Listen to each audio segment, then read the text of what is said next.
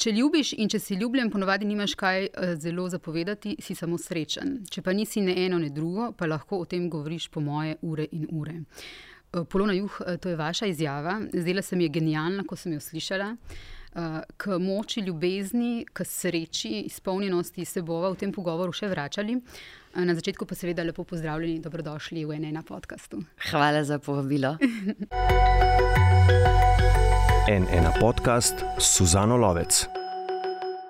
Igralka, prvakinja v drami od leta 1994, številne nagrade, preširnovega sklada, štirikrat Boršnikova, filmske nagrade, dve vesni, Zlata Irina. Bili ste Ofelija, Julija, Margareta, Ana Karenina, Ana Petrovna, Penelopa. Vi ste zaznamovali res, res številne predstave, a je katera predstava zaznamovala tudi vas?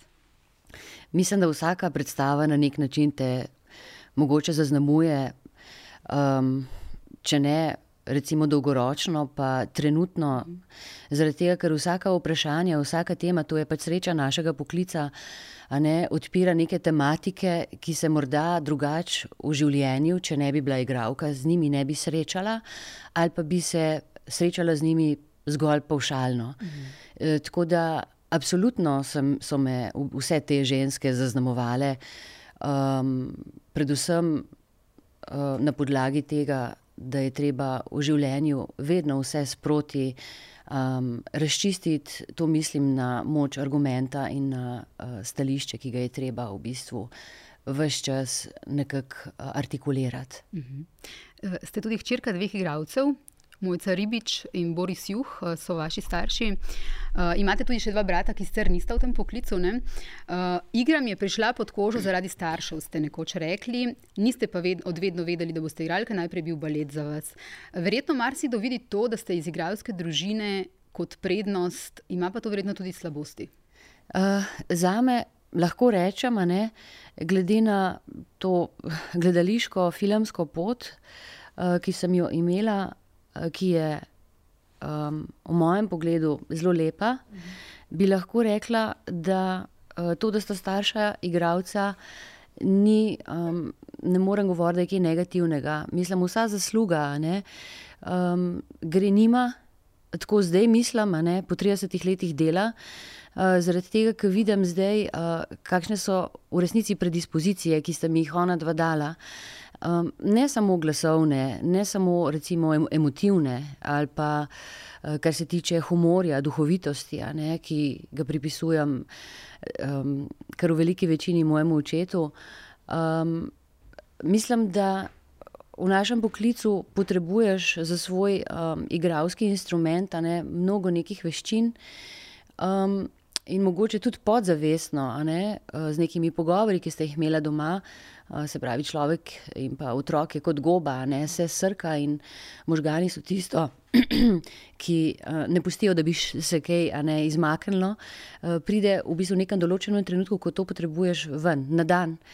Torej, um, neskončno sem jih, jim hvaležna tudi za njuno kritiko, ne, ki sta mi v bistvu prizgojila neko samo refleksijo, ki je v našem poklicu, se mi zdi, ena najpomembnejših stvari a ne da samega sebe znaš uh, nekako pod nekim drobnogledom zagledati, uh, da bi potem lahko morda kdaj ustvaril kaj lepega in novega. Mhm. Rekli ste nekoč, da, v bistvu se treba, uh, da še vedno niste čisto vajeni kritike, ampak da se je treba jo sprejeti, uh, tudi to zunanjo kritiko, se čez njo prebiti in iz. Uh, Iz nje črpati v bistvu stvari za naprej, in tudi veliko krat omenjate samo kritiko, ne, da se vam zdi to izjemno ja. potrebno prirasti. Ja, mislim, da na nek način ne. Um, ne mislim tega, da se, da se sliši fanatično, ampak mislim, da je v nekih določenih trenutkih pri umetnosti treba biti tudi neusmiljen do, do samega sebe. Tukaj je neskončno fino, ne, če, si, če se v te umetniške poklice rodiš nadarjena, ne, ampak veliko je pa tudi nekega garanja. Ne, vem, da, da, da sem garala in še garam ne, za, za vse, uh, ker drugače nekako ne znam. Uh, in uh, se mi zdi, da samo na podlagi tega mislim, da lahko odkriješ pri sebi ali pa v gledališču umetnosti morda kaj novega, ne, da se ti v bistvu um, z nekim garanjem, ne, ko preideš neko pot in pro, uh, um, pot. Um, matematično odpre nek, neko polje improvizacije, znotraj katere se odpira domišljijski svet, ne, ki je tako zelo potreben za umetnost in za znanost. Uh -huh. uh, poleg tega, da to ste že večkrat povedali, ne, da ste za svojo kariero garali in še garate, in to se mi zdi lepo, da poveste da je to jasno vsem, čeprav se to tudi vidi ne, na vaši igri. Uh, hkrati pa pravite, da ste srečna in uh, izpolnjena igralka. Koliko je zaradi tega garanja, uh, te neizprostnosti do sebe, kot pravite, uh, med igralci izgorelosti in kako se čuvate vi? Jaz se ne čuvam, ne? to moram priznati. Um, mislim, da v maju ne vem, če je kakšen večer, kjer nimam predstave, ko nimam predstave. Tako da v tem pogledu mislim, da dost nezdravo živim. Ne? Uh, jaz v bistvu zelo obožujem um, šport, ne, tek in tako naprej, ampak za to nimam zdaj časa, ker se mi zdi, da mora človek pri sebi tudi presoditi, kdaj je čas, da uh, se lahko izpostavlja v bistvu tele, telesni dejavnosti in kdaj je čas, ko se mora telo regenerirati za spanjem. In jaz ta, ta hip čutim, da je v bistvu regeneracija pri meni boljša, če v bistvu se spočijam. Mhm. Zaradi tega, ker mimo um, vseh vaj in predstav, ki jih imam, je seveda tudi uh, družinsko življenje. Ne? In mislim, da tiste korake, ki jih bi drugače naredila porožniku, in naredim zdaj po stanovanju. Tako da um, bom, se, se pravi um, vsak nov dan, ko pride, ne, si rečeš, je neko novo upanje, da se boš vzel uh, v roke in da boš naredil kaj zase. Ampak trenutno tega ne počnem. -huh. Se pa zavedate tega, da. Ja, treba je. Uh, priznavate, da je pri razvoju igralca veliko odvisno od umetniškega vodja. To ste nekoč rekli. Uh, vsi niso dovolj rahločutni, pravite, da bi vedeli, kaj igralec potrebuje za svoj razvoj. Ste imeli tu srečo, spet srečo, govorimo o sreči ali tudi kdaj nesrečo? Um, večkrat sem imela srečo kot nesrečo, ne? ne bi bila poštena, če bi rekla kaj drugega. Ampak mislim, da enostavno v gledališču si vedno izbran. Ne? ne izbiraš samo ulog, ne izbiraš režiserjev, ne izbiraš tekstov. In um, glede na to, da sem bila izbrana, pripisujem v bistvu srečo, da sem bila izbrana, hkrati pa v bistvu delim um, ta nek izbor tudi s tistim, ki me je izbral. Torej, tudi jaz sem bila nekomu potrebna, a ne? Uh, ne samo on meni. Torej, ni šlo vedno samo zato, da bi bila lahko srečna, da sem bila izbrana, ampak mislim, da sem se potrudila, da sem tudi tistemu veliko dala in da um, zaradi tega, ker verjamem, da kot igralec lahko v nekih procesih, v prizoritvah vplivaš z svojim habitusom, z svojo energijo, z svojimi stališči na predstavo. In zato se mi zdi, da tudi režiserji potrebujejo tebe. Um, te, tako da. Um, Mislim, da gre to za neko obojestransko ljubezen. Uh -huh. In, uh, o režiserjih ste nekoč rekli, to uh, v intervjuju za Siol, uh, rada imam, kadar se lahko srečam z režiserjem, ki me očara in osupne svojo močno osebnostjo, ki izraža bogat intelektualni in domišljijski svet. Ne rada pa sodelujem z režiserji, ki skupino igralcev za svoj projekt spreminjajo v vernike. Takšen fanatizem brez selekcije se mi zdi nezdrav in nedemokratičen. Je tega v slovenskem gledališču veliko? Ja, mislim, da je ja, ta trenutek. Um, zdaj, uh, mislim, da tudi čas je prinesel to, uh -huh. generacije, ki prihajajo. Ne, težko je v bistvu priti do nekih delovnih mest, do karier, do uh, ljudi, povezav, uh, s katerimi bi lahko delali. Ne, veliko je Instagrama, veliko je nekega samo reklamiranja uh, zunanjega, ne, um, časa pa zmanjkuje za nekatere osebe, ki so napredne, um, talentirane. Uh, in v bistvu poteka mreženje, ne, ki je, um, uh, iz katerega se potem lahko izrodi tudi v to, da v bistvu um, ustvarjalci ne govorijo svojih stališč, prav zaradi tega, da bi ostali v nekem krogu, ne, dokler se ga še lahko držijo, ker uh, v bistvu izjavljanje svojih stališč uh, v nekih ekipah je dvorezen meč. Um, dosti krat je, um, če ni um, neke hvale v teh stališčih, uh, če ni spodbujanja, ne, če je v bistvu kritično, um, mislim, da, da se v, v glavne generacije bojijo tega, da bi si zaprli s tem vrata.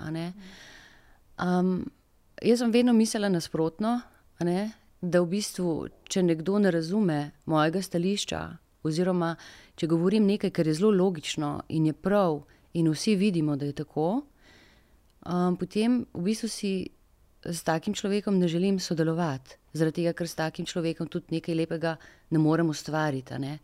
Ker če jaz sama na odru, pravzaprav ne morem uh, stati za svojimi stališči za predstavo, potem se mi zdi, da tudi ne pride do identifikacije pri publiki z mano, da me ne more začutiti. Ne, zato je to tako zelo pomembno, da se sproti rešuje ne? vse. Kar se tiče stališč, problematike, ideologij, uh, eksistencializma, uh, osebnih vprašanj, družbeno-političnih vprašanj, vse to je treba na licu mesta preizprašati, uh, zaradi tega, ker se gledalec nikoli ne sme v tem pogledu počutiti deplasiranega, ponižanega, zaradi tega, ker ne gre za to, da on ne bi razumel, ampak jaz dosti krat mislim, da mi nekaj nismo dovolj dobro izpostavili. Govorite tukaj o neki načelni iskrenosti, o tem, da v bistvu je v tem procesu, procesu stvarjanja potrebna neka iskrenost, ki jo nekateri sprejmejo, verjetno hvaležno, večina ljudi pa iskrenosti v resnici ne mara, čeprav vsi ljudje pravijo, da imajo radi iskrene ljudi. Ampak v resnici v resnici ne, je pogosto tako, tudi v našem poklicu, ja. bom rekla, ne, verjetno ja. ne samo pri vas, da je ta iskrenost potem veliko krat dojeta kot nek ne bodi ga treba ali pa kot nekdo, ja. ki je problematičen. No, to je floskularnost, ne, uh -huh. ta mhm. iskrenost. Vse vemo, da v bistvu obstajajo ljudje, ki pišajo izjemno dobre bloge, kolumne, ne, um, pa niso tako tretirani, zaradi tega, ker so intelektualno. Se mi zdi premočni ne, za naš prostor, ne, in se jih potem uh, nekako jih nočeš imeti v svojih sredinah, ker so nevarni. Mm. Ne? In tako je tudi v našem poklicu, se pravi, um, stremi naša družba predvsem k neki sivini. Ne? Um, in v resnici lahko rečem, da je tudi um, gledališče no, na nek način. Uh, kot ga jaz doživljam, trenutno, morda na neki prelomnici izpraznjenosti, ne, ko um, je premalo individuuma, nekega slehrnika, skozi katerega ne, se pretakajo neka vprašanja. Mm. Se mi zdi, da je teater trenutno zelo splošen, pa ne morem reči za vse predstave, ker pač uh, gledam veliko predstav in uh, nekje zaslutam tudi neke nove navdihe, še zlasti pri uh, mlajših generacijah, ne, ki znajo. Eh, združevati neke estetike, ki so zdaj že kar 30 let ne, v istem polju, nekam, eh, pa se čaka, da bojo morda te mlajše generacije znale združevati neko klasiko z vsemi temi performativnimi žanri, ne, ki so se vzpostavili tako zelo močno, ampak mislim, da, da smo na nekem prelomu. Uh mhm. -huh. Uh, zato, ja. Ja, januarja ja. ste rekli, uh, da so se vaši strahovi glede gledališča že zgodili. Bala sem se, da bi, se, uh, da bi gledališče postalo uh, benigno, uh, od odsotnost erosa, šarma, identitete, uh, da bi se v gledališče naselila povprečnost. Uh -huh. Kje mhm. vidite rešitve? Ja, kako bi rekla? Prej sem že rekla, da ne moreš si sam izbirati. Zato pa um, sva z, z partnerjem Sašem Tabakovičem, ne, uh, sva pred tremi leti začela razmišljati, uh, da bi res nekaj iz tega čistega poslanstva, ljubezni do gledališča, poskušala ustvariti nekaj, kar naju zanima. Ne, in sva uh, si dala za nalogo, kaj je pravzaprav tisto, kar mene ta hip zanima. Ta hip, pravim, morda ne več čez dve leti. In sva iskala nek izjemno, um, najprej zahteven tekst, ki bi mene in njega kot igralca zadovoljilo tudi v nekem um, razvojnem smislu, ne? nekaj kompliciranega, in smo prišli do Miroslava Krneže v agoniji. Ta tekst že nekaj časa ni delal, um, čudi me tudi, da ga nismo delali v drami. Uh, in uh, potem sva. Um, nekako um, povabila z, k sodelovanju režiserko Nino Šorak, ki je povabilo sprejela. Um, moram reči, da um, v bistvu sva na poti, da bomo naredili trilogijo. Agonijo smo naredili, uh, gre za arhetipe med moškim in žensko. Torej, Uh, ljubimec, ljubimka, brat, sestra in pa mož, žena. In v agoniji je pa ženska ujeta med dva moška, oziroma v ta patriarhalni nek trikotnik. Ne? Trikotnik. Uh, drugi tekst bo um, v praksi povrneš Harolda Pinterja, tretji tekst bo Tennessee Williams, igra za dva. Uh, um, Harolda Pinterja bo režiral Dorian Šilec Petek. Eh, Tennesseeja Williamsa pa bo režirala Maša Pelko. To je generacija režiserjev, ki so uh, v zelo dobri kondiciji. Um, mi dva Saša sva jih prepoznala kot zelo obetavne, perspektivne, uh, pa morda v tem času jih drugi še niso, ampak mislim, da so zelo močne osebnosti v tem pogledu režiskam. Um, tako da moram reči, da zakaj ni naš orak? Ne?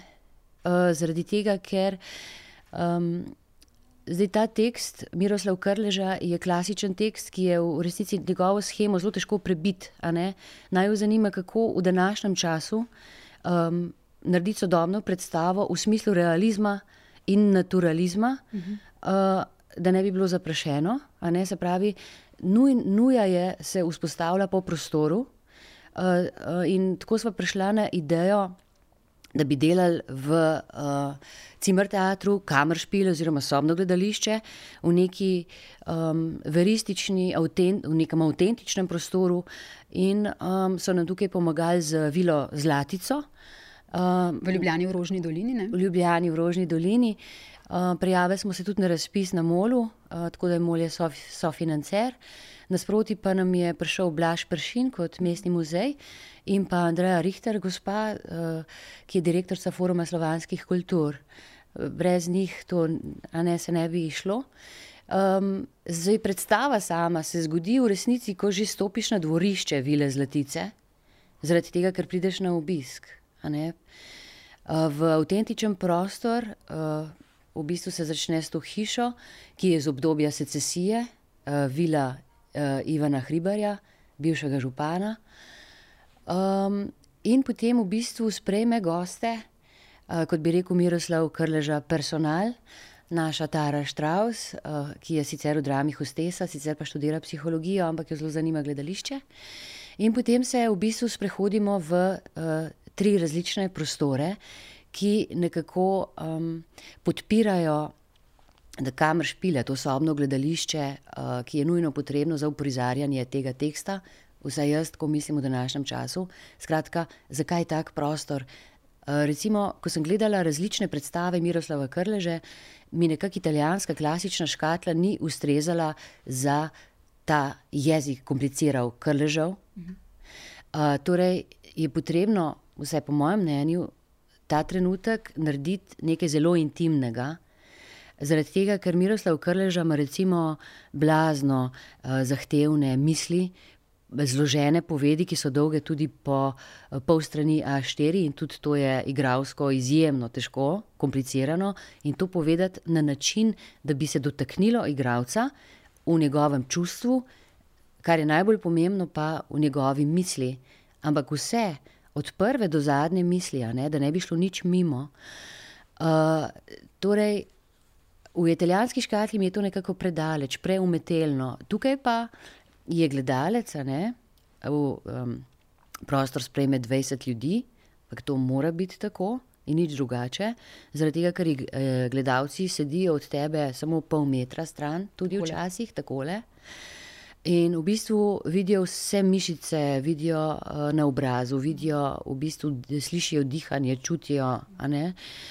In um, je v resnici smo z Nino Šorak tako nekako, um, ona se mi zdi, da je zelo inteligentno to povzela, ne kako stanja plasirati, kako se morajo neka stanja ne, in povedi nalagati, da bi na koncu ta uh, Laurina agonija prišla res do tega izraza. In da bi v bistvu publika doživela spet v gledališču tisto, kar je poslanstvo, ne prvotno, grško, da bi prišlo do katarza, do očiščanja. Se pravi, nekaj popolnoma čistega, tisto, kar je v resnici za igralca najtežje. Zgleda preprosto, ampak ni. Um, v bistvu naša predstava ni delala ne na efektih, ne na ekscesih, a ne tudi tekst je uh, v, skoraj v celoti ohranjen, brez nekih invencij oziroma um, uh, parafraziranja ali pa dodajanja kakšnega teksta. Ne, v bistvu biti pošten do tega in poskušati narediti sodobno predstavo na izjemno čist. Um, Način, tisto, kar je v resnici, lahko kot igralka rečem, najtežje. Uh mhm. -huh. Ampak tema od Miroslava Krleže je aktualna. Uh mhm. -huh. Tekst je bil napisan sto let nazaj, obravnava pa v bistvu odnos zakaj je ta Laurina agonija tako huda? Uh, zaradi tega, ker na eni strani mož Lembah uh, uh, karta pije, ponareja menice ne? in je nezmožen za kakršen koli dialog, ne? ne more se ločiti od njega, skratka, stisnjena in razpeta je med dva moška. M, Na drugi strani med križevca Ivana, ki enostavno v svojih povedih govori o nekih uh, odprtih odnosih, uh, odprtih zakonih, liberalnosti v svetu, na drugi strani pa ne zna nobene odgovornosti nositi, ko že Lembah umre, ko bi lahko v bistvu z Lauro, z Lauro zaživel.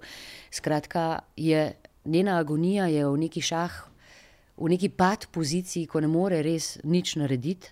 Ne? Gre za nek dialog tudi. Uh, ki jo, po katerem ona hrepeni v tem moškem sistemu, v patriarhalnem sistemu, ki gre mimo nje, ki ga ne dobi.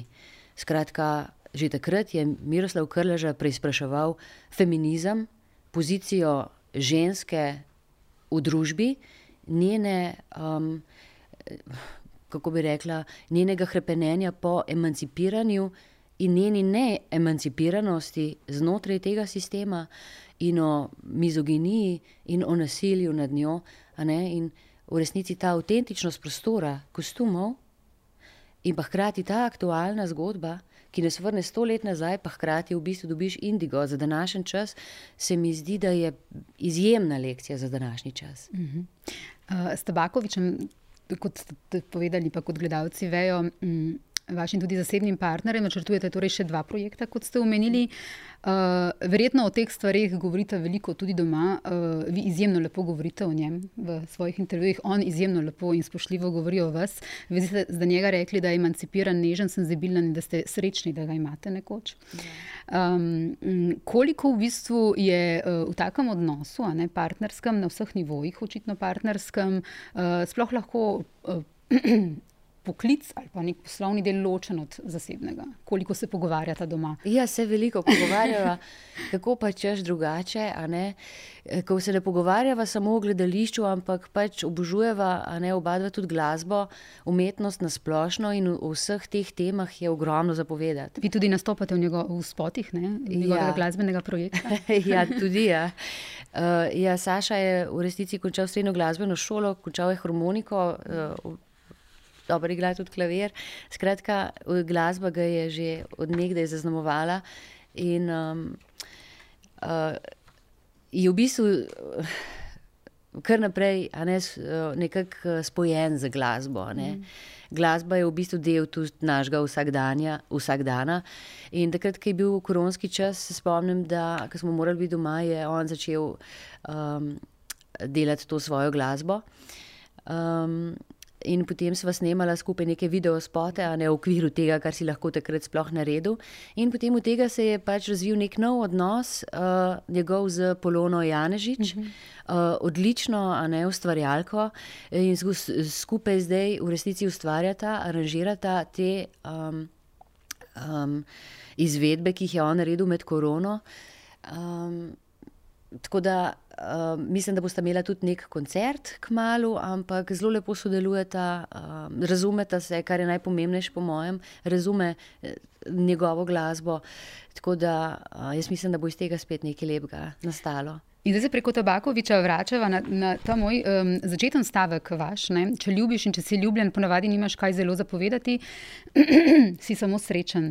Če pa nisi ne eno, ne drugo, uh, pa lahko o tem govoriš po moje ure in ure. Ja. To ste vi rekli na, mislim, da Ideja TV v enem intervjuju, Ja. uh, ko so vas spraševali. Oziroma, uh, Na, na to starostno, da se ljud, mnogi ljudje obro, obregnejo v vajno starostno razliko. Ne? In ko sem to slišala, sem kar zajela sapo, tako v bistvu močen stavek je, ker v resnici je natanko tako, da srečni ljudje nimajo potrebe razlagati svetu, kako srečni so. Ja. Tisti, ki jim pa nekaj manjka, se pa radi vtikajo v ljubezni drugih in tako naprej. Uh Mhm. -huh. Kako pomembna je ljubezen za vas in na katerih nivojih vse jo najdete, kje jo vse najdete? Um, o nivojih pač nisem razmišljala, zdaj na katerih nivojih na, jo najdem, ker jo imam. Uh, tako kot sem uh, hotela sem reči, da uh, socialna bitja smo, pogovarjamo se veliko o ljubezni in um, dosti krat recimo veš, kdaj komu manjka ljubezen, ne še zlasti, če uh, izvira v nekega okolja, kjer že od otroštva ni imel neke ljubezni, se pravi, kako je že ta pomembna. Ne? Uh, Da dobiš uh, poljube, objeme, da v bistvu dobiš neko varnost. a Ne? Ker to, če se v otroštvu ne zgodi, potem nosiš potem to, to vse življenje z, z sabo. In potem si izbiraš mogoče tudi napačne partnerje. ne. Um, moram reči, da um, dosti krat recimo pač rečejo ženske ali moški, da ne čutijo, mislim, se hočejo skozi pogovarjati, da nekaj ni v redu, da, da zakaj mi to pa to, um, zakaj ne dobim rož ali pa česa podobnega. Mislim, začnemo se pogovarjati, kadar nekaj ni v redu o banalnostih. Um, zato se mi zdi ena velika sreča, ko srečaš ne, človeka v življenju. Uh, in mislim, da za neke ženske lahko rečem v letih 40, a ne je zelo težko najti nekega partner, partnerja, ni pa ne mogoče, uh, ker poznam ne, eno svojo prijateljico, ki je najdla in se bo poročila zdaj, in sem zelo vesela in srečna za njo, da se to da.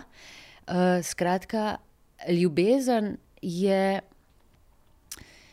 Um, moram reči, uh, recimo v najnih poklicih um, združljiva na nek način tudi zato, ker znava drug, drug do drugega gojiti mogoče neko pazljivost in spoštovanje do tega, da je kdo več dela kot drugi.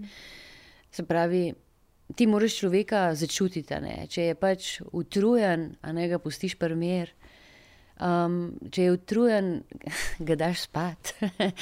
Ne, mislim, to so ene stvari, ki jih ti moraš kot človek prepoznati in zaslutiti. Kdaj nek, nekdo potrebuje pogovor, ne se ni treba, da se skozi pogovarjamo. a Ne, nek, enkrat so časi, ko je treba človeka pustiti samo pri miru. Uh, tako da In prava dvojina je verjetno tista, kjer en drugega prepoznata v tem, da sta lahko Tako. srečna, tudi ko sta tiho. ne. Da, I- da tišina ni Ja. je Tišina je prijetna. izjemno blagodejna. Mm. Sej, mi v teatru veliko govorimo, včasih fino, da si lahko nekaj časa tiho. Mm. Ampak se pravi, ljubezen je pa pač. Uh, se pravi, ko imaš otroka, ne, je to tudi odnos, ljubez, ljubezen v odnosu, ljubezen skupna v tem krogu z otrokom. Ne, uh, ljubezen do, ne vem, do življenja, uh, nasplošno, do vsega tistega, kar, kar je lepo v našem življenju, kljub temu, da se skozi pritožujemo, ker se moramo. a ne. Mi se moramo pritoževati, ker drugače ne bo progresije nobene. Ampak mislim pa, da je to neka celica, kljub vsemu, uh, dvojina, ali pa uh, množina družinska, ne, ki je zelo, zelo pomembna, da se ti središčiš, da se uravnotežaš. a Ne, in iz, iz tega potem se mi zdi, da lahko ljubezen daješ tudi drugim. Uh, v filmu Pod njenim oknom, kjer sta tudi igrala s Tabakovičem Ja. skupaj, oziroma sta se tam um, tudi spoznala, Ja. bolje, um, je ta film, kjer vas je uh, spoznala res najširša množica, torej tudi ljudje, ki mogoče nikoli ne grejo v gledališče. Ne? Uh, kako drugačna mora biti igra za film, kot je igra za gledališče, in ali se slovenski igralci tega dovolj zavedajo? Um, mislim, neka baza igre, ne, kot neke osnove. Ali je otroška, ali gledališka, ali je filmska, je neko uh, polje, ki razpira domišljijo. Um, igra v resnici je neke vrste imaginacija ali pa lahko tudi abstraktno mišljenje. Um, profesionalna igra pa je zagotovo obladovanje metjeja, pa je naj filmska ali pa gledališka. Se pravi, to je obrta, ne, ki jo je treba obvladati, uh, kar se tiče govora, kar se tiče naravnosti, kar se tiče dejanskosti, uh, prepričljivosti. Ne, uh, kar velja tudi recimo za agonijo, pri Miroslavu Krleže, ne, ker je prepričljivost tista prva. In ta, ta, tako dejanskost in prepričljivost v gledališču ne, je enaka na filmu. Um, mislim, uh, da recimo v gledališču gre še za nek dodaten gestus. Uh, ko ti nekako scela delaš v gledališču, ko so neki vzvodi, mehanizmi drugačni, kar se tiče nekih podob, simbolov, uh, simbolika gradiva je drugačna, elemente, ki si jih sposojaš. To je vse nek meti, iz katerega ti črpaš, ki so pri gledališču absolutno drugačna, ker je fokus drug, um, na filmu je kamera, uh, ti daje fokus, si v, recimo, v kadru, uh, ko izgovarjaš neke stvari na odru, pa si včasih fokus moraš poiskati tudi sam. Se pravi, je zelo pomembno, kje na odru v nekem določenem, določeni situaciji stojiš, še bolj pomembno je pa to, da režiser ve. Se pravi, režiser ustvarja ta žarišča.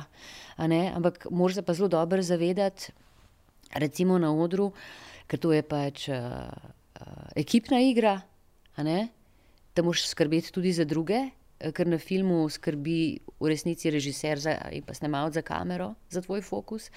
Da pa moraš vedeti, kdaj v resnici moraš se ugasniti, kadar uh, je vem, v planu nekdo drugi. Ne? Se pravi, da je treba zelo senzibilno prepoznavati te stvari, da nekoga ne motiš. Ne? To gre vse v prid vsebinam, ki, pač, ki morajo priti do gledalca. Uh, torej, m, veliko krat slišimo, ne, da gledališki igravci na filmu niso prepričljivi. Uh, jaz mislim, da gre za eno drugo stvar. Jaz mislim, da za gledališkimi igravci treba na filmu tudi treba znati delati. Uh -huh. uh, gledališki igravci lahko marsikaj spremeni. Um, uh, treba je vedeti, da se ga lahko zunanje spremeni, če ne ustreza.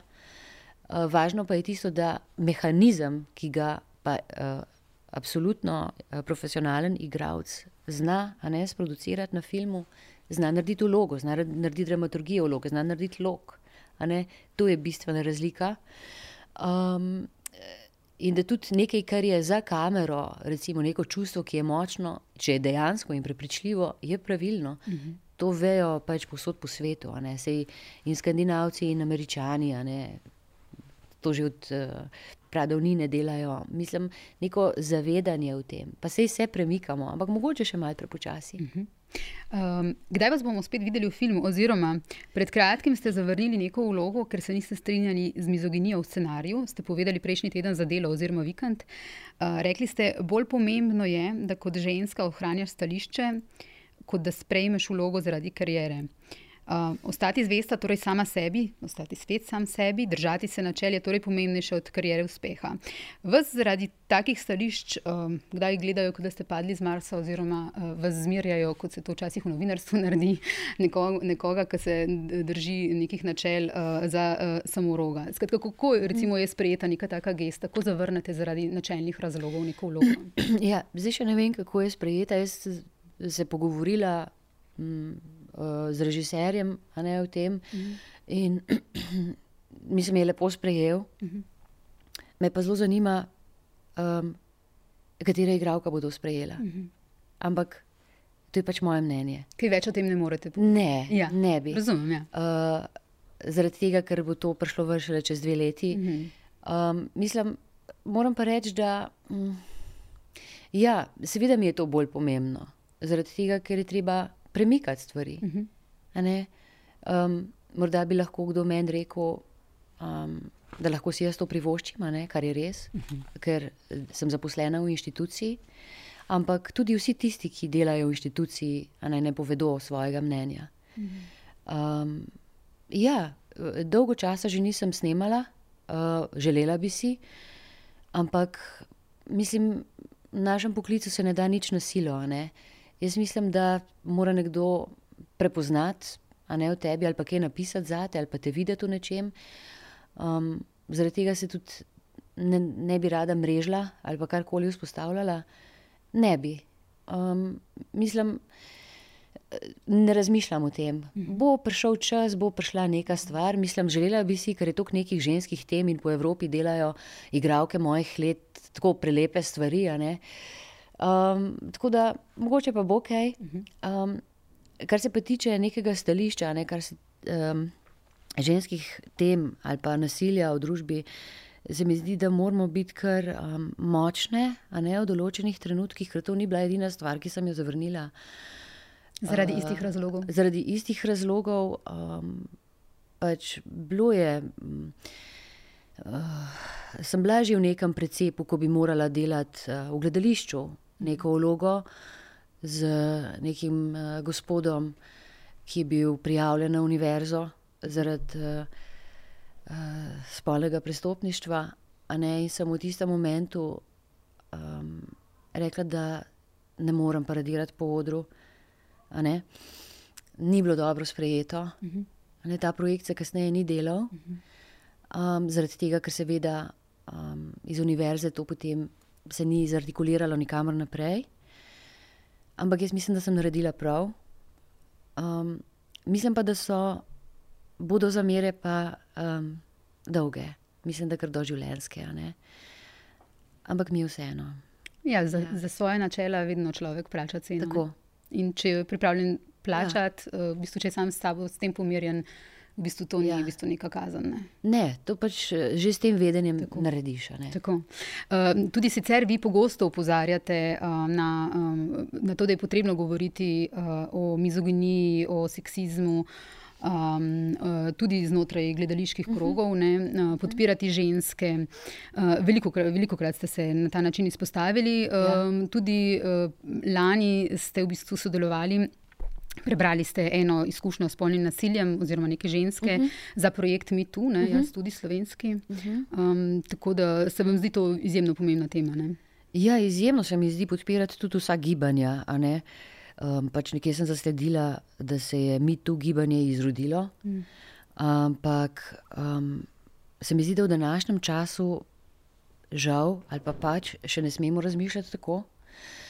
Kakršno koli gibanje v tem smislu se pojavi, ne, moramo pač vedeti, ne samo ženske, vsi ljudje. Ne, sej, moški fini, feministi ali pa emancipirani moški niso nič drugega kot inteligentni in razumni moški. Edini pravi moški. Ja. In uh, se mi zdi, da je treba to podpreti, zaradi tega, ker če se to ne dogaja meni ali pa vam, ne, ne pomeni, da se moji sosedi nekaj podobnega ne dogaja. In um, morda o izrojenosti ne moremo govoriti, zaradi tega, ker se pravzaprav. Uh, Še v, v tem stoletju nič ni iz teh gibanj dejansko rodilo, še, še, še čakamo na, na, na te premike. Je bolje, ampak pač vemo, da, da ni še to, to. nismo tam dolgo. Ja. Um, Vrniva se gledališču, uh, ne verjamem v agriprov predstave, ste nekoč rekli, verjamem v vsakdanjo revolucijo. To ste rekli za en izvrsten intervju za radio televizijo Srbije. Uh, kakšno revolucijo torej lahko naredi umetnost? Ja, um, jaz še vedno verjamem, da umetnost uh, je pač tista prava tisti pravi kompas ali pa tista, um, tisti najbolj pravi svet, ki lahko kljub temu dela revolucijo. Mm -hmm. um, zaradi tega, ker je umetnosti ne bi bila shranjena uh, empatija, etos, etika, um, kljub temu, da za, za kuliso tega dosti krat. Tudi ne stojijo ne ljudje, ampak če pogledam nekako uh, iz druge perspektive, pa se mi zdi, da nagovarja, ne? da poskuša senzibilizirati um, ljudi, da ne bi prišlo do. do da ne bi da ne bi prišlo do revolucije, da ne bi potrebovali revolucije ne, v tem smislu. Uh mhm. -huh. Čeprav seveda tudi mislim, da v, v gledališče ali pa umetnost spremljajo ljudi, ljudje, ki so že na nek način do neke mere senzibilizirani. Ne. Se pravi, kako v bistvu privabiti neko publiko, ki pa bi morda njim kaj več lahko dala. Um, se pravi, revolucija sproti. Um, se pravi, različni karakteri smo. Ne? Nekateri, ko se nam nekaj zgodi, nek šok, ko bi morali odreagirati, pa je bistven za tisti trenutek, predvsem za te, kako se bo tvoje življenje naprej razvijalo. Uh, je treba odreagirati, je treba povedati, ne, spet bom rekla svoje stališče ne, in podati moč argumenta, zakaj. Uh, se pravi, ko je, se zgodi že neka revolucija, uh, splošna, ne, se mi zdi, da je prepozno. In zakaj sem rekla, da agit propa v tem trenutku ne maram? Zaradi tega, ker se mi zdi presplošen za današnji čas. Mhm. Da ne vem. Um, neko vojskovanje na odru, ali pa vsaj v teh oblikah, ki sem jih na zadnje videla, ali pa um, izgovarjanje neki, nekih pamfletov ali pa pisanje transparentov, se mi zdi, da, da ni prava pot. Da se mi zdi, da je treba nekje drugje, da nič ne da gledalcu, da, da gledalcu to nič ne pomeni. Tako, tako se mi zdi. E, vi vse čas povezujete, ne? tudi v drugih intervjujih, um, moč gledališča s, tem, s to senzibilizacijo. Ne? V tem vidite, če jaz prav razumem, moč gledališča oziroma to, kaj lahko revolucionarno spremeni ja. človeku. Ne? Ja. Mislim, je uh, v resnici ta katarzis, ne, to, uh, ta neka bit gledališča.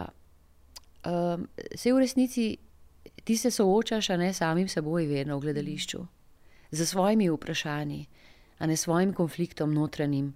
Torej, uh, jaz mislim, da ko si nekaj lahko potrdiš ali pa se nekaj vprašaš, si, si že naredil v bistvu del svoje revolucije.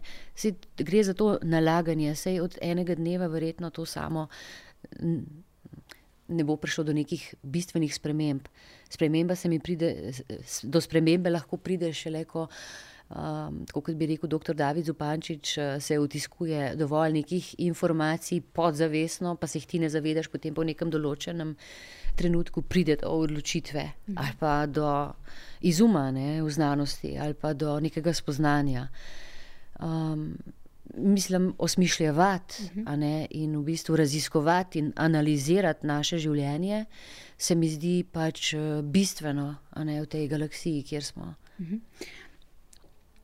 um, Nekoč ste tudi rekli, da, da je pomembno to, kaj se dogaja po predstavi, da v bistvu ta povratek k sebi po neki um, premjeri, recimo, da vas ne pripelje v samo destrukcijo. Um, to ste, ko ste pojasnjevali, kako se pripravljate na predstavo. Rekli ste, da je torej to, kar se zgodi po predstavi, za vas pomembnejše od tistega uh, pred predstavo. Uh, zakaj, v bistvu, oziroma kako samo destruktivno, kako destruktivno je lahko to, ta povratek, če ni prav narejen.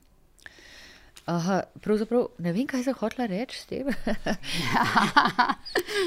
um, zaradi tega, ker je potek v bistvu priprave na predstavo vedno nekako podoben. Ne? Smo si različni, jaz uh mhm. -huh. potrebujem ogromno neke koncentra mhm. koncentracije in samosti.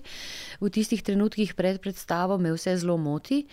Uh, tako se mi zdi, da je človek pred predstavo in mora biti prebujen, v bistvu ranljiv, odprt. In takrat se, se mi zdi, da vsak hrup je preglasen, ne vse je nekako moteče, lahko. Uh, zdaj pa, glede na to, da uh, se soočam veliko krat z resnejšimi temami, z uh, resnejšimi dramami, uh, kjer uh, sem abonirana, jaz sama zase rečem, tako že na uh, v bistvu neko dramaturgijo loka, kjer um, so uh, vloge zelo emotivno izčrpavajoče. Um, in če je to iz dneva v dan, ne, to je neko resnično čustvo to ni, v bistvu, jaz ne delam z distanco, ker me to ne zanima. In v resnici je to lahko, pa mogoče ne vem. Ni pa zdravo, no, to bi hotel reči. Ne? Ker uh, ta pogojni refleks usvojiš že na vajah, vsaj jaz ga usvojim na vajah, da, da lahko to naredim potem na predstavah, ampak zdravo pa vsekakor ni, ker je v bistvu to stres za telo. Uh, Ampak jaz se tu lažim s tem, da je um, gledališče za me pozitiven stres. Da ga nikoli ne jemljem kot neko presijo, kot nekaj, kar, kar moram. Ampak vedno, ko pridemo v gledališče, se mi zgodi ne, nek, nekaj lepega in neka zahvala za to, da lahko počnem tisto, kar, za kar se mi zdi, da, da je bilo za me narejeno v življenju. No. In ravno Kenny taki. Izjemno težki uh, predstavi, prihaja v zdaj. Uh, torej, v aktualni predstavi še vedno Elis, režiser je Matjaš Zopančič, igrate pa Elis Howland, ugledno profesorico, lingvistko, profesorico z oddelka za kognitivno neuroznanost, ki zgodnja Alzheimerjeva bolezen spremeni življenje. Uh, režiser Zopančič je o tem rekel: Smrt ni nujno najslabša novica, obstajajo tudi slabše. Torej, to, kaj se dogaja z nekom, ki pri polni zavesti dojame, uh Mhm. -huh. da so mu nenadoma, nepričakovano, sredi nekega dinamičnega, aktivnega življenja, um, se začeli razpadati možgani, oziroma da pozablja, da izgublja spomin, da izgublja na en način tudi sam sebe, da ga izgubljajo tudi drugi. Ja. Um, smrt torej ni nujno najslabša novica, obstajajo tudi slabše. In pogosto prav vi uh, igrate uh, te vloge, te osebe, uh, ki jih doletita usoda, strašnejša od smrti. Torej, nekaj ste že o tem rekli, o tej katarzi. Je torej to za človeka lahko obremenjujoče in hkrati katarzično? Ja. Igrati takega človeka. Zdaj, ko razmišljam o tej hudi temi, ne, Alzheimerjevi bolezni, ki je uh, najpogostejši vzrok za demenco, ne, pod sindromom demence pa se skrivajo različna obolenja, od človeka do človeka. Um, to sem že povedala, se mi zdi v enem intervjuju, pa bom še enkrat, da mi je v resnici težko govoriti o nekem izzivu, ker um, se mi zdi ta odgovornost, ne, ki jo čutim do ljudi, ki ta hip živijo uh, v krogu svojih družin s to boleznijo, da bi bilo to, ne vem, da izziv ni prava beseda, prej odgovornost. Mm -hmm. um, se pravi, odgovornost tudi do tega, kako nekako uh, didaktično uprizoriti uh, pravilno vsa stanja. Ampak moram še se vrniti na, na, nazaj na ta stavek, ki ga je izgovoril Matjaš Zupančič, da smrt ni naj, najhujša stvar, zaradi tega, ker gre tukaj za v bistvu izginjanje, poanta Alzheimerja bolezni je izginjanje, mm. Praznjenje v bistvu našega duha, našega habitusa, našega etosa, našega humanizma, intelekta, v bistvu vse tisto, kar ustvarja našo civilizacijo. Se pravi, te ni več. Uh, in uh, ta poteka in pa to spoznanje, ne, Alice Howland, se pravi, lingvistka, kar je najstrašnejše, kar se lahko enemu lingvistu zgodi, mm. ki se ukvarja z, z jezikom, govorom, da izgublja besede, da izgublja povezave, uh, da izgublja v bistvu sposobnost za komunikacijo z ljudmi, da pride do v bistvu trenutka, ko izvedi diagnozo, da ima zgodni zagon Alzheimerjeve bolezni, to se zgodi pri 48, pa ta razpon traja do 64. Ne? E, da v bistvu kot nek zelo inteligenten, intelektualen človek ne, vidi svoj propad mm. že vnaprej. Uh, in zato reče tudi v enem stavku, zakaj nimam raka. Mm -hmm. ne, če bi imela raka, bi se lahko vsaj z nečim borila, ljudje bi me podpirali in se poslovila, poslovila od ljudi, od otrok, ne, katere ne bo več mogla spremljati. Mm. Ne bo več, uh, se pravi, da v bistvu, kaj je tisto, ne, kar nas tudi ohranja v, res, v tej. Pri življenju je dostojanstvo, ki ga pa s to boleznijo vsekakor izgubiš. Uh, tako da jaz sem se osebno ukvarjala predvsem z nekimi stanji, pri katerih mi je zelo pomagal uh, Matjaž Zupančič, mm -hmm. pa vsi kolegi, ne, ker čim se ti v ekipi začneš pogovarjati o takšni težki temi, kot je ta, uh, spoznaš, da. Uh, ker to je še vedno stigmatizirana, tabuizirana tema, ne, ne pogovarjamo se o tem. Ja. Tukaj je pa prišlo do tega, da smo se in potem v bistvu spoznaš, da veliko tvojih ožjih sodelavcev ne, ta hip doživlja ne, to z nekom v svojem sorodstvu. Uh, torej, se pravi, vse te izkušnje, ki sem jih tam lahko delila, poleg strokovne literature in pa predavanja dr. Davida Zupančiča, ne, sem se bolj naslonila na svojo staro mamo, ki je tudi imela starostno demenco, čeprav je doživela 104 leta. Mhm. In predvsem njen odziv na svet, njen pogled. Uh, na njeno izgubljanje. Vse to, recimo, se mi je vrnil spomin na njo, ker sem se veliko z njo družila, ker um, smo bili zelo povezani. In um, se spomnim tudi enega trenutka, ki je bil srhljiv za me. Uh, ko, se, ko je bil še Bela, moj sin, mehen, smo se igrali enkrat na tleh. In je ona gledala, in je bilo prvi hip, ko me ni prepoznala, uh Mhm. -huh. in mi je rekla, gospa. Uh -huh. In uh, mislim, da to mi pač Saša mi je povedal, kako sem odreagirala. Da sem v bistvu nekaj časa, da sem se, se nasmehala, potem se nekaj časa še, še igrala, potem se je pa v bistvu samo ulilo. Uh -huh. uh, to je bil ta hip te groze, odhajanja, njenega izginjanja. Uh -huh. Uh, tako da sem vedela, kje sem takrat. Ne. In tudi tukaj v tej igri se v bistvu um, drama prelomi, se mi zdi, na, na, na trenutku, uh, ko ona prvič ne prepozna svoje hčerke. Ne? Ja. Do, te, do, te, do tam jo spremljamo kot um, njen propad, njena tragedija, žalostni smo za njo. Ja. Um, v trenutku, ko ona svojo, žen, uh -huh. svojo hčerko ne prepozna, ne, ko jo naslovi kot gospod, um, tam v bistvu pade vsa ta teža na svojce. Ne. Tako. Uh, se pravi, ta predstava se mi zdi, da je, do, uh, oziroma igra je izjemno dobro napisana, ker uh, enako pomembno, ne, kot je zasnovana ta, uh, ta bolezen um, pri Alice Howland, enako močno se odraža tudi na okolici, mm -hmm. se pravi na otrocih in pa na možu.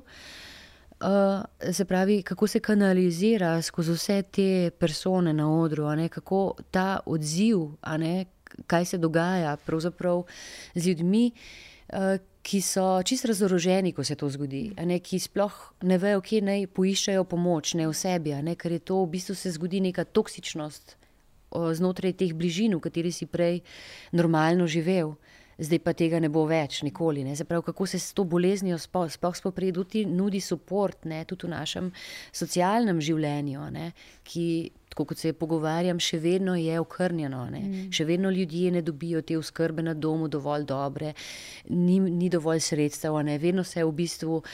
Uh, začne ta procedura, ko ne veš, ali je tvoj uh, bližnji v domu dobro varovan, a se dobro skrbi za njega, a ima dost nežnosti, pogovora, varnosti in tako naprej. Tisto, kar je bistveno, ker ljudje z Alzheimerjem v malo kasnejših fazah so zelo primarni, zelo so ranjeni, ranljivi, ampak neverjetno pa čutijo v bistvu pogovor, skrb, tudi če ne govorijo, komunicirajo veliko. Vse te vibracije pa izjemno čutijo, in zato je to tako pomembno, da jih nekdo um, uh, suportira, da jih nekdo skozi podpira ne, in je z njimi v bližini. Čeprav je to težko, uh -huh. zaradi tega, ker se vrtijo vedno novi novi krogi istega pogovora, istih tem. O, o tej uh, pomembni temi, o demenci, uh, je za rubriko Poglobljeno našo. Um, govoril tudi znani nevrolog dr. Zvezdan Pirtošek, um, tudi o tem, kako pomembno je, da se o tem pogovarjamo in da več naredimo kot družba in država za te ljudi in njihove svojce. Um, ker, kot ste rekli, vsak od nas ima v bistvu nekoga v bližini, ali pa ga bo imel, ali pa bo sam zbolel za to boleznijo. Uh, on pravi, pri Alzheimerjevi demenci uh, uh, najbolj propada epizodični spomin, odsev prostora in časa, ki je umoščen v spodnji del možganov. Um, Med zadnjimi v napredovanju demenci propadajo tisti spomini, ki so pa povezani z našimi čustvi in tisti, ki so najstarejši. To nam najdlje ostane pri tej bolezni. In proti koncu se izbrišajo še otroci, partner, desetletja življenja, kar ostane so tista prva leta starši in sorojenci. In še kasneje pride trenutek, ko vsi bolnikovi spomini izginejo, ko ostanejo le še skoraj da budistični trenutek tukaj in zdaj. In vendar, tako kot vi pravite, pravi tudi on, bo znal človek začutiti, da ga imate radi, da ste dober človek, ko ga objamete, ko ga fizično dotaknete, mu govorite in ga gledate mirno. To je poslednji način, da lahko z njimi vzdržujemo stik. Ja. Še vedno torej Elis, še vedno je to na koncu Polona, še vedno je to na koncu Suzana, um, a vendar na en način tudi ne. Um, ste ob tej uh, igri razmišljali, v bistvu, kaj smo mi brez naših spominov?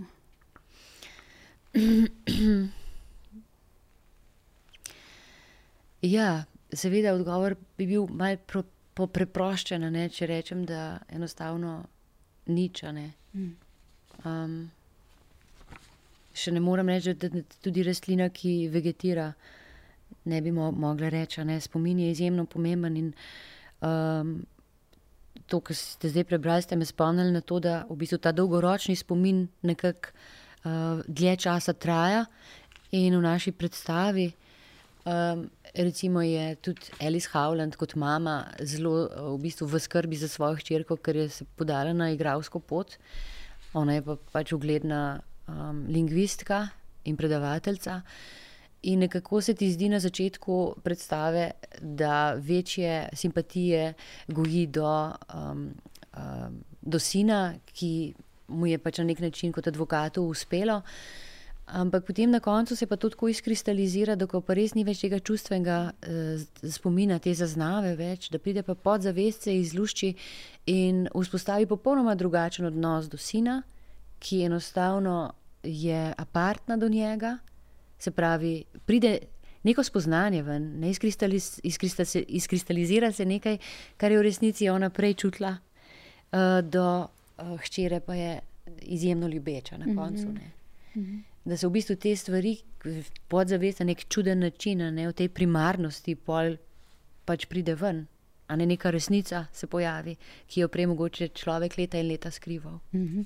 uh, tudi Goran Vojnovič, ko sem pred časom imela z njim intervju um, in je o demenci pisal v romanu Figa, med drugim, um, pravi, da je doživel uh, prek svoje babice, videl je, kako je boleče, to ne le za njo, ampak tudi, kot pravite, tudi vi, tudi za njeno bližnjo okolico. Um, zaradi demence je odšla veliko pred svojo smrtjo. Torej, v bistvu človek odide, čeprav je še vedno tam in tukaj je ta, ta tragika uh, te bolezni za vse okrog tega človeka. Um, kako igrati? Kako ste se učili igrati to izgubo? Rekli ste, predvsem preko svoje babice, ki ste se spomnili, na kak način v bistvu ste jo takrat videli. Ja. Uh, ampak so tukaj bile kakšne posebne tehnike? Um, Mislim, tako kot za vse druge vloge. Uh -huh. um, mislim, kot igralka lahko preberem veliko um, strokovne literature, še posebej recimo v tem primeru, ko gre za nevrološko bolezen. Uh, Uh, lahko veliko v bistvu srkam vase od drugih pripovedi, ampak na vse zadnje, a ne, bo pa se lahko um, gledalec nekako identificiral z našo zgodbo in z Alice Howland, samo če bom jaz to v bistvu naredila popolnoma po svoje. Uh mhm. -huh. ne, če bi jaz preveč sledila literaturi uh -huh. ali pa njenemu primeru, uh, mislim, da to ne bi bilo uh, prepričljivo in dejansko, ampak. Um, bilo bi narobe, tako bom rekla, zaradi tega, ker realnosti, ne, ker je pač gledališče umetnost, se ne da dobesedno prenašati na oder. In tam je vedno pomembna neke vrste mera, neke vrste uvid v svojo lastno psiho in telo. Uh, kako tvoj duh bi odreag odreagiral, se pravi, da um, sem se jaz predvsem ukvarjala uh, z nekim razvojem tega stanja. Na začetku, kot če z eno zelo zdravo žensko, kako čist pomalem ne, se začnejo te neke napake, ki jih mogoče okolica še ne registrira. Pa potem, ko se v bistvu te odmiki, neki čudni, začnejo v prostoru in času, ne, ko uh, nekako pogled nekako zazeva na vzven, ker gleda vase, ker se izgublja. Ne, to težko obrazložim, ampak nekako, recimo, vse to, to ne gre kar tako, kako bi rekla. Ta stanja um, je treba kar naprej v bistvu iskati, ne? znova in znova in znova, zaradi tega, ker jih ne moreš jih kar ponavljati, ker morajo biti vedno tudi ta stanja, ki so pasivna, morajo biti živa. Uh -huh. Zaradi tega, ker tako se mi zdi pri teh ljudeh, da tako so nekako budni, uh, bdijo, ampak kot da jih ni, mm. kot da v resnici so v neki drugi galaksiji, um, reagirajo z zamikom, ta reakcijski čas je drugačen, potem odreagirajo spontano, preveč, preveč primarno.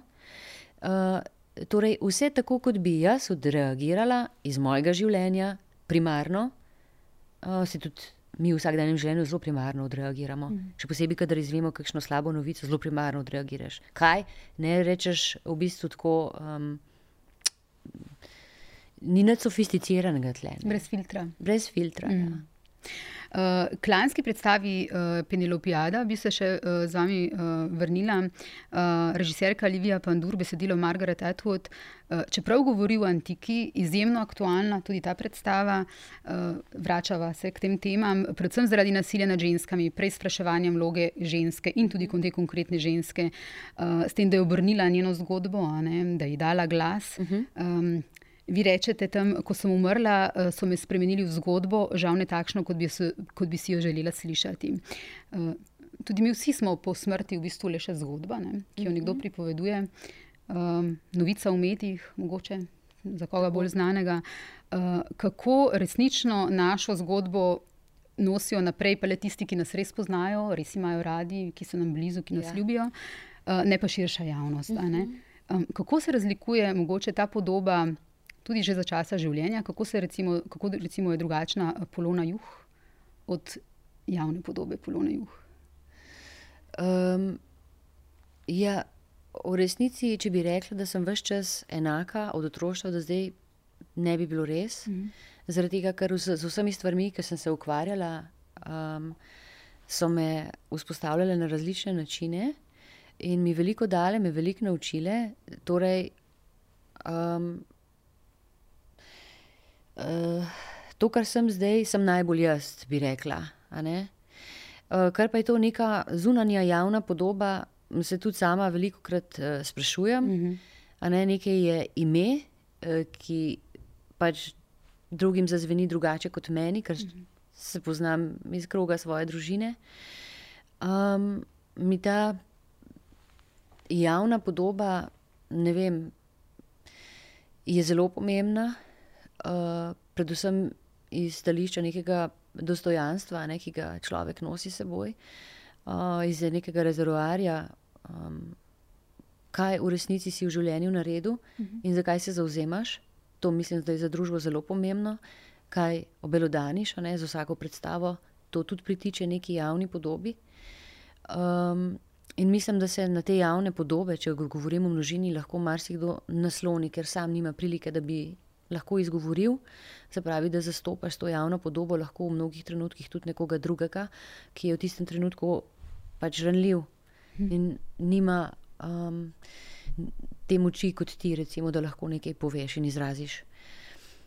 Um, kaj si me vprašala? Še nekaj v zvezi s tem vprašanjem. Ja, uh, kako se javna podoba polone juh razlikuje od polone juh, če se kdaj sprašujete o tem? Um, Ne, ker v bistvu ta zgodba o Penelopi, kot jo slišimo, je drugačna. Ona več čas poudarja, da hmm. niste vedeli. Ja, mislim, tako le bom rekla, zaradi tega, ker Penelopa je kljub vsemu imela malo drugo. drugo v zadnji je bila ta čakajoča žena. Uh, ja, zelo zanimivo je um, javna podoba. Uh, tako kot reče, recimo na začetku Penelopa, zdaj, ko sem mrtva, vem vse. Um, pa pa reče, da v resnici ne ve vsega, ne? da, da prepoznava samo nekaj pol resnic, še po smrti. Ne? Se pravi, govori o medijih, da kako v resnici se zinterpretira ne? lahko vsakega človeka na, mm. na vse možne načine. Um, In govori, mislim, zelo, zelo veliko tem obdeluje Margaret Atwood in tudi naša predstava. Uh, političnih, uh, um, eksistencialnih, uh, predvsem pa v bistvu, uh, kar se tiče uh, ženske iz Pradavnine, mm. ki je.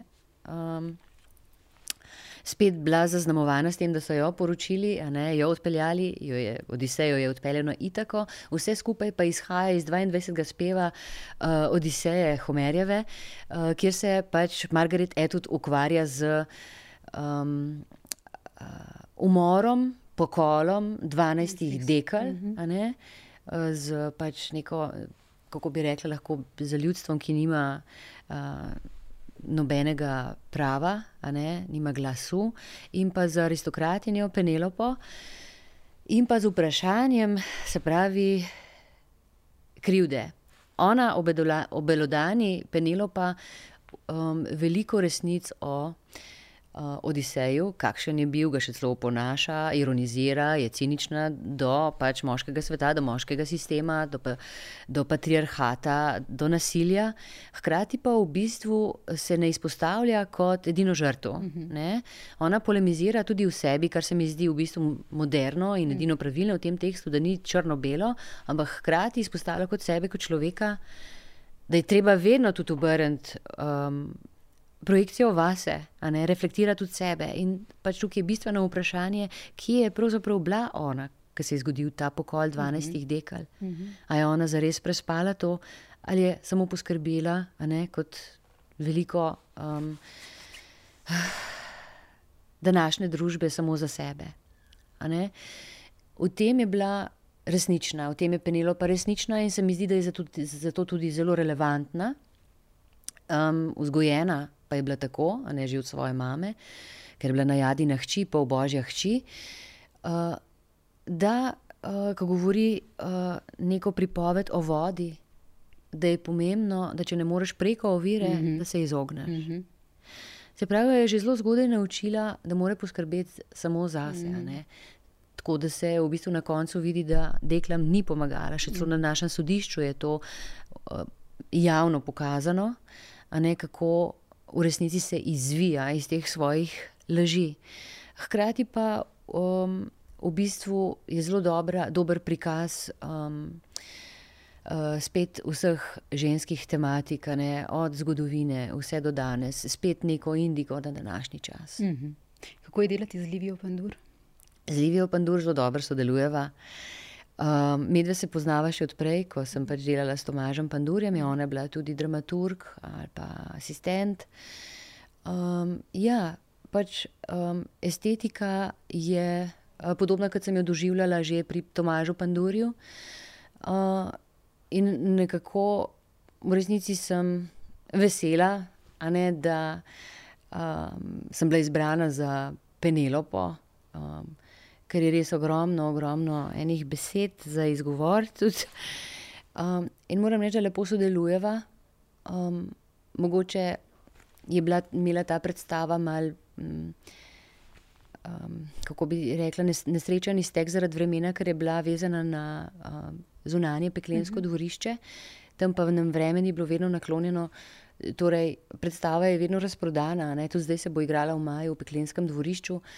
Ampak žal, tako kot z Pandurjevimi predstavami, dlje ne bomo šli, čeprav se mi zdi, da bi bila predstava izjemno zanimiva in aktualna tudi za, za, vem, za sosede ali pa za Ev Evropo. Uh -huh. uh, ker naše gledališče se mi zdi, da ne samo, da se mi zdi, je prepoznano kot zelo kvalitetno. Uh -huh. um, tako da upam, da bo življenje pač Penelopijade še nekaj časa ustrajalo, zaradi tega, ker se mi zdi, da taka tematika, kot je pač po Margaret Atwood, je nekako ne moreš spregledati v današnjem času če si etično zavezan k, k nekim normativom v današnji družbi. Eh, Tomaža Pandurja ste omenili mm, Duo Silence, eh, avtorja glasbe v tej predstavi, o kateri smo govorili. Um, sta Za našo rubriko Poglobljeno sta mi rekla pred časom, eh, je bil za naju zelo pomemben, ker so pri njem razumela filozofijo manje več. Preden smo ga spoznala, sva streljala vsemi topovi, potem sva odkrila to, v čemer je bil on mojster. Da lahko z majhnim številom elementov narediš veličastne stvari. Minimalistični maksimalizem. Je imel tudi na vas podoben učinek, oziroma čeprav meni se zdi, da ste v bistvu vi že vse čas igralka uh, minimalističnega maksimalizma. Ja, jaz bi rekla, da um, minimalizem bi lahko videla v njegovih predstavah nekako uh, v prostoru. Ne? Mm.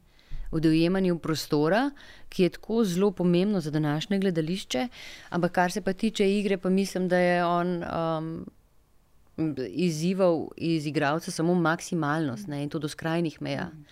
Recimo, jaz sem pri njemu doživela to, um, da uh, ko sem bila že čez vse mere utrujena, ne, um, je šlo še, še, še čez, ne, je šlo še čez.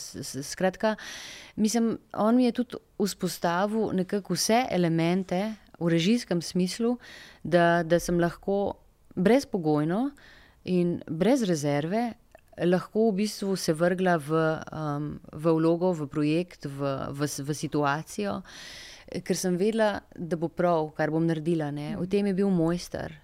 Tudi recimo v teh nekih najtežjih prizorih, um, ne vem kako bi rekla temu, odmikov človeškega duha. Um, je on v bistvu že zjutraj na vaji. Um, mi je rekel, da bo zvečer to delala. Tako da imel je nek eh, lep pristop do igralca, da sem vedela, da bo ta priprava nekako čez dan potekala, ko bom morala nekako iz sebe ta odmik uh, pokazati. Uh, nekako tako je neko pripravo, dobro mi naredil, sploh tega ne znam povedati. Vzpostavljal je nek magičen, uh, transcendentalen svet, ne, svet, polje metafizičnosti, uh, ki je meni v bistvu zelo blizu, v katerem se zelo znajdem in uh, ki ga v gledališču v resnici iščem. Zato smo bila tudi tako zelo povezana in tudi Livija ne, zelo raziskuje v tej smeri. Um, tako da moram reči, da Mm. je izziv, velik izziv bilo z njim delati. Mislim, da gledališki svet blazno pogreša njegovo persono, uh, ker je bil. Ne vem, tudi v produkcijskem smislu, v, v, nekem, v nekih uh, velikih predstavah, ki jih ni, tež, ni lahko narediti, ne, je bil izjemen. Um, in pri nas zelo premalo cenjena. Um, mislim pa, da mislim, vsi tisti ljudje, ne, ki so zgradili um, od njega nek uh, zid ali pa obroč, kako bi rekla temu. Um, da mogoče, če bi naredil en korak do njih, da, da bi takoj spremenili mnenje, ne, zaradi tega, ker je bil res. Um, Izjemen, to se sploh ne da opisati z besedami, kako je on prišel na pripravljen na vajo. Mm -hmm kaj je izžareval iz mm. sebe, uh, kako v bistvu jaz kot igralka to cenim, to pripravljenost. Ne? Mm, ne samo, da kar naprej nekaj improviziraš, ne? in potem si režiserji zberejo. Včasih je to produktivno, včasih ni produktivno, ampak on je pa bil pripravljen na tak način, da si imel vedno še ogromno prostora improviz improvizacijskega, mm -hmm. toliko, kar si sicer smeš imeti zaradi okolja, okolice, ki so pa tvoji soigravci. Mm -hmm. Uh, eno mogoče uh, bolj bizarno vprašanje, ampak vendarle, preden pridemo k zadnjemu vprašanju. Um, in v, kot Penelopa, in uh, kot Elis, uh, recimo, um, zajočete. Uh -huh. Na kak način igralec tehnično to izvede? Je to v bistvu čustvo, ko sprožite solze, zelo se jih vidi ne, med predstavama. Uh, je to čustvo, ki to naredi, ali je to nekaj tehničnega, kar se človek lahko nauči z neko tehniko? Um, ne. Jaz, uh, jaz vem, da sem delala na akademiji, smo v bistvu po Stanislavskem delali, da si vzameš nek substitut in potem v bistvu si to prekličeš. Potem smo delali po um, po šoli um, um, Štrasburga oziroma Stele Adler, da so to neke tehnikalije. Ne. Recimo, um, jaz v to ne verjamem. Mhm. Jaz verjamem samo uh, v moj princip, uh -huh. v mhm. moj način, kako v bistvu do tega pride. Jaz v bistvu vzpostavljam že znotraj uloge, v bistvu vse te vzvode na tak način, da uh, ko me situacija, se pravi, uh, uživljanje, uh -huh. Eh, pripelje do tega momenta, da se to zgodi uh -huh. v resnici. Ne uporabljam nobenih tehnik in verjamem samo v to. Verjamem tudi zato, um, ker um, se mi zdi, da samo na ta način, da lahko emocijo sprožaš pri publiki. Uh, z vsemi tehnikalijami se mi zdi, da ni ta pravega um, rezultata, če lahko temu tako rečem. Uh, moram reči, da sem slišala tudi od ne vem, nekaterih um, igralskih osebnosti, ki pravijo, da ne verjamejo igralkam na odru, ki jočejo. Mhm. Kako, na kak način jim ne verjamejo? To ne vem, to je treba njih vprašati. Um, moram reči, da, da vem, da, da, da sem bila verjetno mišljena s tem jaz. Um, ampak vem pa, da ta igralka tega ne zna. To je vse, kar lahko rečem.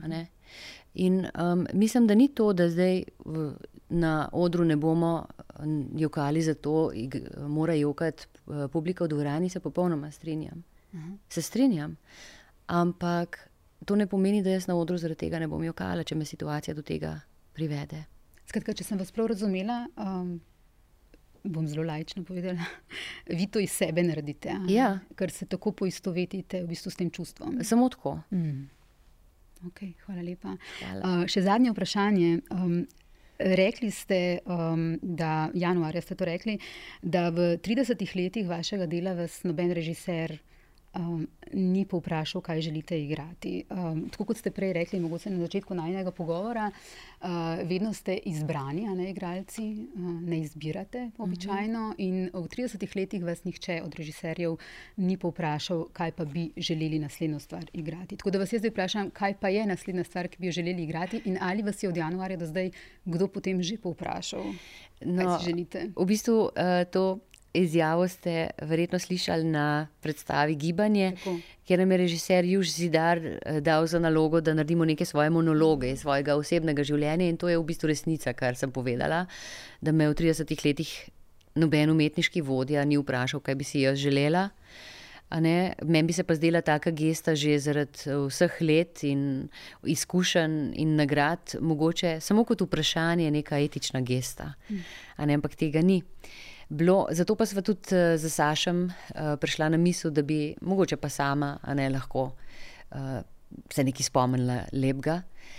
Um, tako da v tem smislu je zadoščeno, ampak moram pa reči, da um, ja, me je vprašala potem, potem um, intendantka, uh -huh.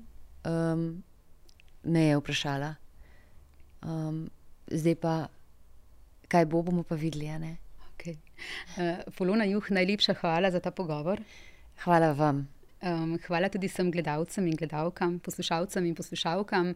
To je bil še en, en ena podcast, uh, zelo kmalo se spet vidimo.